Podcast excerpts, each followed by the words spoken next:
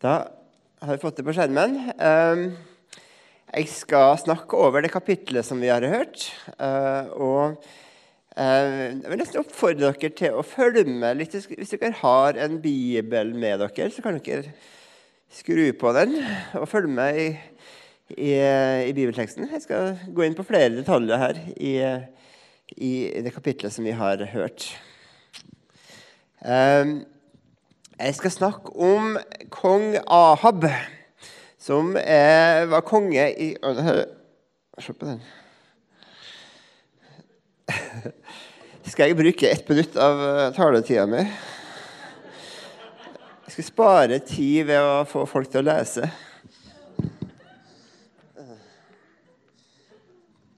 Sånn er det. Eh, nei, eh, kong Ahab, folkens, var konge i Israel sånn på midten av 800-tallet for Kristus. Eh, og fra Guds ståsted så var han en av de dårligste kongene i Israel. Han var, han var pallkandidat til å bli den dårligste kongen i Israels historie. Eh, og så leser vi at han, eh, han, Ahab har fått det for seg å skal plante en grønnsakshage. Og vi vet ikke om det er sånn 40-årskrise. Eh, jeg skal finne på grønne fingre plutselig. Eller om det handler om at nå skal jeg drive og selge. sånn selvrealisering. Han, ville gjøre det som gjør seg sjøl lykkelig. Lykken består i en en grønnsakshage. Så ja, Ahab han søker egentlig bare det gode livet for seg sjøl. Eh, så i, i byen Israel, hvor et av slottene hans lå rett utenfor vinduet, der var det perfekte stedet. Der kan han følge med på salatene og nepene og sukkerertene rett ifra balkongen. Problemet var jo at der var det en vingård eh, som en som het for Nabot, som eide den. Og Nabot, Problemet med Nabot var at han ikke var gira på å selge. For ikke for noen som helst pris. Det irriterer Ahab. Og Han er som et sånn bortskjemt barn som vil ha leiken til et annet barn. Jeg vil ha den leiken. Eh, hva for noe annet? Jeg vil ha den. Eh, og så kommer da kona Jesabel med sine giftige ord. Er det du som er konge i Israel? Hm, det her er flaut. Nå må du vise, må du vise at du er kongen. Så sier hun ja, bare gå, gå og spis, du, venn, så skal Jesabel ordne opp. Så snekrer Jesabel en, en djevelsk plan for å få tatt livet av Nabot. Og For å forstå Jesabel sin plan så må vi se hvordan den bygger på ting som er i, i Moseloven. Den detaljer Moseloven som den bygger på her. For det første så sier han Nabot eh, Herren fri meg fra å gi deg fedrearven min. Um, det var ikke sikkert at Nabot han likte denne i vingården mye bedre enn penger. Men det var fedrearven hans. Eh, og Vi kunne sagt mye om det her, men da når israelsfolket kom inn i Kanans land, så, så fordelte de landområdet mellom seg, mellom stammene og slekten og familiene. Og Ifølge Moseloven så skulle man ikke selge familieeiendommen til andre med mindre det var siste utvei. Eh, vi kunne hatt mange bibelvers på det, men det står bl.a. i 4. Mosebok hver israelitt skal holde fast på arven fra sin, eh, sine fedres stamme. Du skal ikke selge fedrearven. Det var den frelsen på et vis som Gud vant til folket. Den skal du holde fast på. Og Nabot han var en gudfryktig mann som håpa Herren ville fri han fra å bryte Moseloven. For det andre så må vi legge merke til detaljen at du har forbanna Gud og kongen før han ut og stein ham til døde. Ifølge Moseloven igjen var det forbudt å forbanne både Gud og kongen. Eh, Gud skal du ikke forbanne, og en leder i ditt folk skal du ikke forbanne, står det i Moseloven. Og så står det da straffen for å spotte Gud. Det var steining. Det står sånn Så skal du si til israelittene når noen forbanner sin Gud, fører han synd over seg. Og den som spotter Herrens navn, skal dø. Hele menigheten skal steine ham, enten han er innflyttet eller født i landet. Han skal drepes når han spotter navnet. Ok? Så straffen for å spotte Gud, det er død ved steining. ikke sant? Derfor måtte Goliat dø på én bestemt måte, ved steining. Um, og den tredje tingen Det måtte være to vitner i Moseloven. Um, det var ikke greit med bare ett vitne, det skulle være to. Den skyldige skal straffes med døden etter to eller tre vitners utsagn. Ingen skal straffes med døden etter ett vitnes utsagn. Så eh, hun Jesabel hun har en plan. Og den planen handler om at noe skal framstå som godt til å utføre hennes onde planer. Hun bruker ting fra Gud. Hun bruker ting fra Bibelen. Tenk det, Bruker Bibelen til å felle den bibeltro, den gudfryktige nabot. Det er et, jeg synes det er et interessant paradoks i det. Eh, og I denne fortellinga så, så, tenker jeg at det er flere ting her. Ganske mange ting. Eh, jeg har ganske mye på hjertet, men jeg skal begrense meg til noe. som, som, som, er relevant for oss i dag. Eh, særlig gjennom de, de, fire personene vi har hørt om. Eh, så har dere hørt om Maskorama? Det er sånne kjendiser som, eh, som er skjult bak noen masker. Her har vi fire masker, om du vil. Eller fire personer. Elia, Jesabel, Ahab og Nabot. Så nå skal, jeg gjøre meg et, et, forsøk på å gjette. Hvem symboliserer de, eller hva symboliserer de? Hva kan vi lære av de ulike, de fire personene her? Nå skal du få, få høre min gjetting her, da. Maskorama-gjetting. Kanskje dere har deres egen gjetting. Det er greit. Her er min gjetting av eh, hvem skjuler seg bak disse maskene her. Jeg starter med Elia. Eh, han er jo en av hovedpersonene i, i første kongebok. Men han har mer en sånn birolle her. Han er ikke hovedpersonen. Det er mer Ahab som er det. Men han, han, er, han er, Guds profet, Herrens profet. Um, og han formidler Guds ord til Han formidler Guds ord til Ahab. Så jeg har tenkt sånn eh, Hvem skylder seg bak maska? Elia? Jo, det var, det var Bibelen. Eh, Guds ord. Eh, Guds lov, Guds alvorlige budskap om synd. Og Guds alvorlige budskap om dom kommer gjennom Elia. Men så, så har også et, et, en, slags fall nådebudskap om at Ahab, fordi han omvendte, eller i hvert fall ydmyka seg, så skal han slippe å se ulykken i eget liv så har jeg tenkt på det er, to, det er to ting jeg har lyst til å dele med dere om Guds ord, om Bibelen, ut ifra dette kapitlet. Eh, det første handler om eh, Ahab. Han så på Elias som sin uvenn. Har du funnet meg nå, min uvenn? sa han. Um, og jeg tenkte på det. Verden ser på Guds ord og det bibelske budskapet som noe ondt. Det budskapet om at Nabot ikke kan selge fedrearven til Ahab, ja, det er et hinder for hans sjølrealisering. Et hinder for Ahab sin lykke. Og Ahab søker jo bare det gode livet, men Bibelen hindrer det. Det er et hår i hans lykkesuppe, kan vi si. Um, og sånn skjer mange mennesker i dag på Bibelen. Den hindrer min lykke, den hindrer min sjølrealisering. Og man tenker at ja, Bibelen er streng og forkynner en ufortjent streng dom.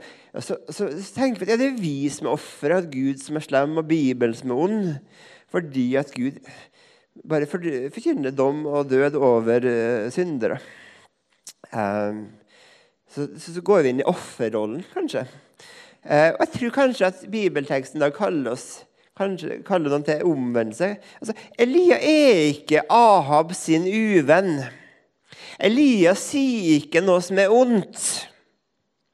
Det Elias sier, det er rettferdig, og det er sant, sjøl om det er et ubehagelig budskap. Sånn er det med Guds ord. Det er rettferdig, og det er sant, sjøl om det kan være et ubehagelig budskap å ta til seg på noen områder. i hvert fall. Det andre jeg har tenkt på, er at Guds ord er virkekraftig.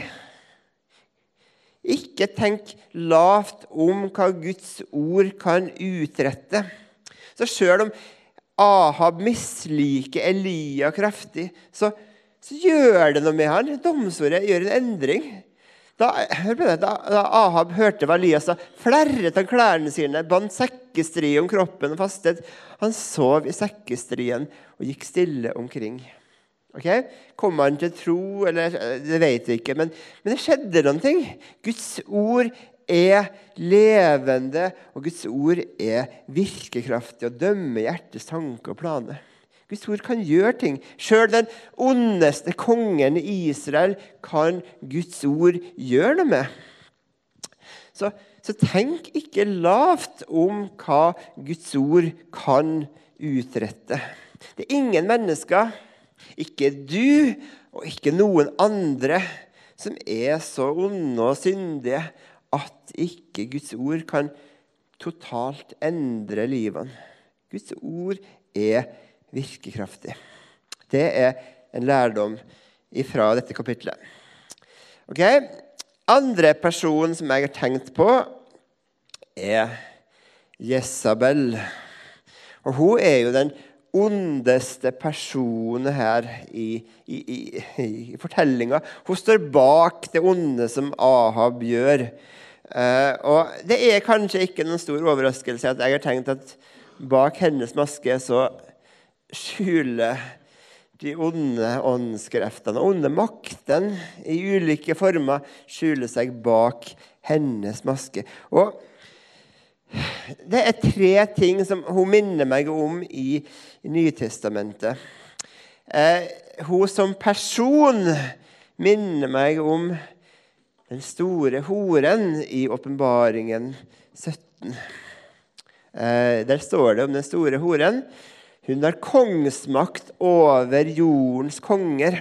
Så hun får jordens konger til å gjøre det hun vil. Altså, Ahab han blir forført og styrt av hun Jesabel. Får, uh, det han sier Eller det han, han gjør det hun sier er godt, så er det ikke godt. Så er det ondt. Uh, det står om hun at hun er mor til alt som er motbydelig. Og Det stemmer om Jesabel òg. Hun får Ahab og egentlig hele Israel til å drive på med avgudsdyrkelse. Så står det hun er beruset av blodet fra de hellige og Jesu vitner. Eh, det var det som skjedde.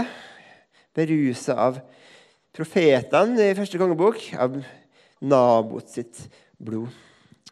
Eh, for det andre så minner ordene hennes meg om Jesu møte med djevelen i ødemarken.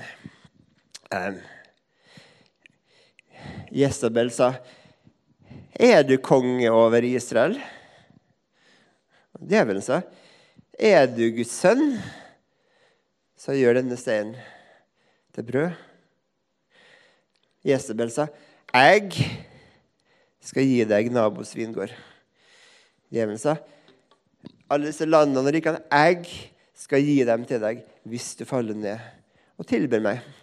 Og så bruker begge på et vis bruker Guds ord til å prøve å vri på det, å få noen til å få det gudfryktige til å falle gjennom Guds ord. Det har jeg tenkt på som en likhet.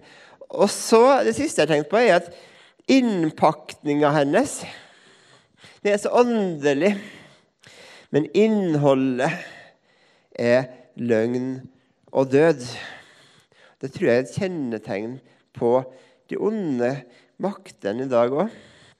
Igjen fra Johannes' omvaring, eh, kapittel 13, der det står om disse to dyrene. Der står det eh, der så Johannes jeg så et annet dyr stige opp av jorden. Det hadde to horn som et lam. Som Jesus. Det ligna på Jesus, men talte som en drage. Som djevelen.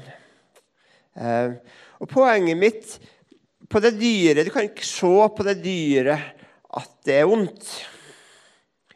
På det, I det ytre så ser det så godt ut. Det ser så uskyldig ut, ufarlig ut. Um, innpakninga kan være så uskyldig. Innpakningen til det som, som vår fiende gjør i dag, i 2024, det kan være kjærlighet, det kan være toleranse, det kan være respekt, det kan være frihet. Innpakninga ser så god ut, men innholdet kan være løgn, og det kan føre til død. Eller innpakninga kan være veldig åndelig. Eh, jeg tror på at djevelen også i dag kan ha en åndelig og til og med en kristelig og bibelsk innpakning på det han sier. Eh, Jesabel sin innpakning var jo spekka med ting fra Moseloven. Eh, og kjære dere, vi, dere avslører ikke djevelen på innpakninga.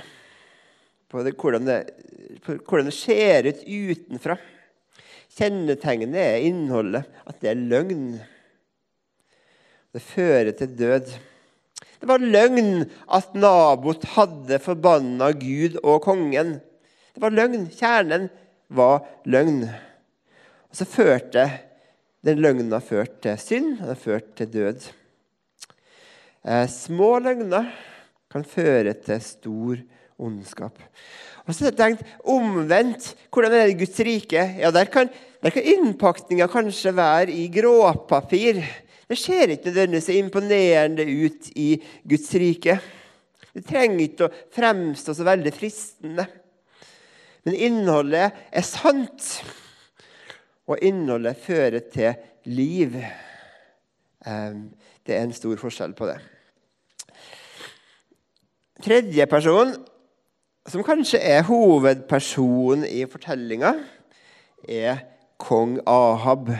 Og han, han, er rett og slett en dårlig person. Det står i teksten Aldri har det vært en slik konge som Ahab. Han solgte seg til å gjøre det som var ondt i Herrens øyne fordi hans kone Jesabel lokket ham til det.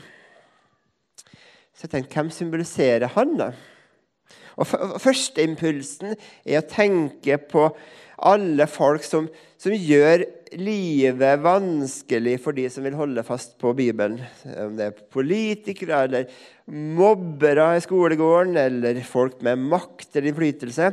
Ministre, aktivister. Jeg tenkte, Kanskje det er de som er Ahab. Og kanskje, kanskje er det Ahab et bilde på de, de sånne folk som, som, kanskje blir brukt av noen andre krefter til å gjøre det som vondt.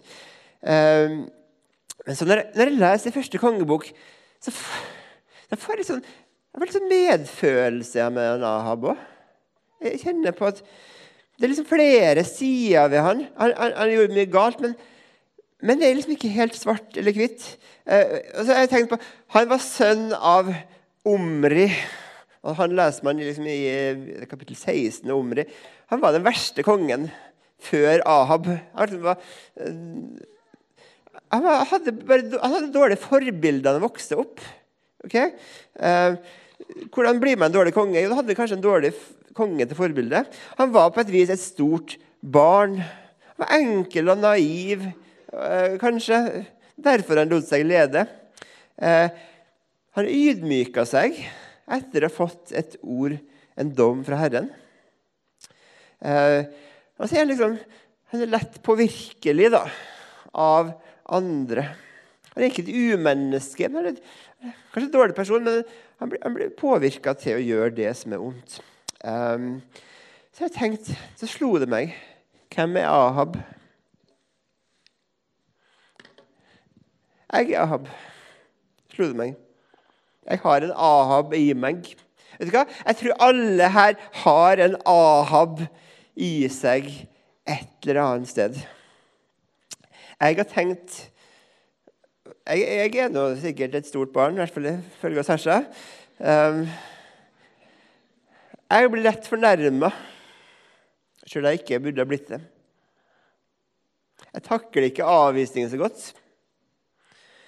Jeg gjør mye for å realisere egen lykke. Jeg er, nest, jeg, jeg er villig til å, ofte til å synde og gjøre ting som er galt, for å oppnå egen lykke. Jeg er egoistisk. Jeg er ofte likegyldig til andres lidelse. Jeg har det i meg. Og så er jeg lett påvirkelig. Hadde jeg vært sønn av Omri og gift med Jesabel. Jeg hadde vært en minst like dårlig konge, jeg er sikker på, enn Ahab. Um, så jeg tror at vi, vi, har en Ahab i oss alle. Så har vi kanskje noen naboter som vi har gjort urett imot òg. Um, så jeg har tenkt Sånn som Ahab ble konfrontert av Guds ord gjennom Elia, om synd. Slik konfronterer Bibelen meg om synd i mitt liv. Slik konfronterer Bibelen deg om synd i ditt liv.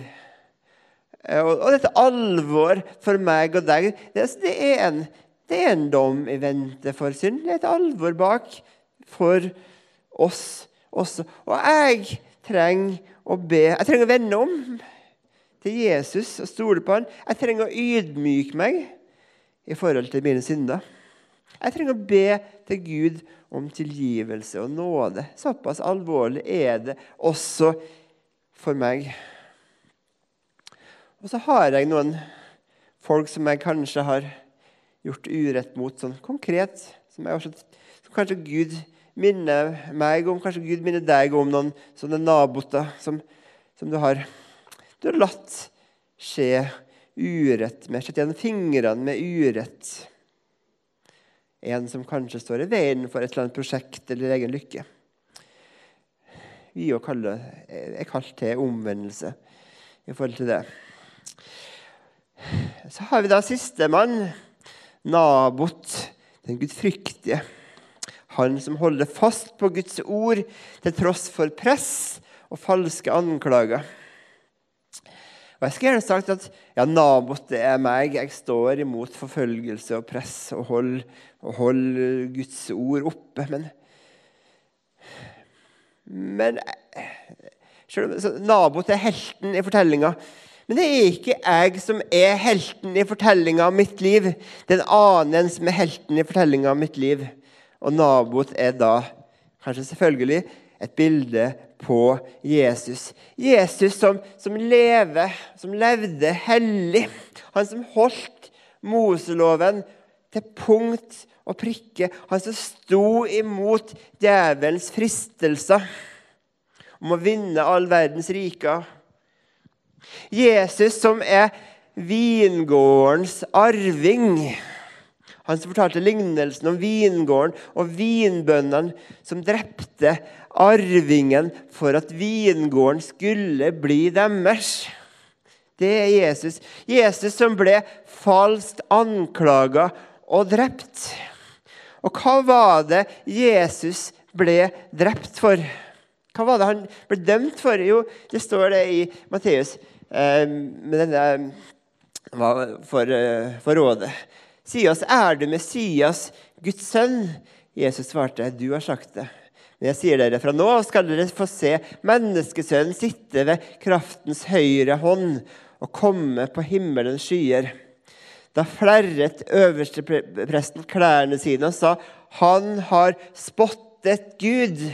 Det var Guds bespottelse Jesus ble dømt for.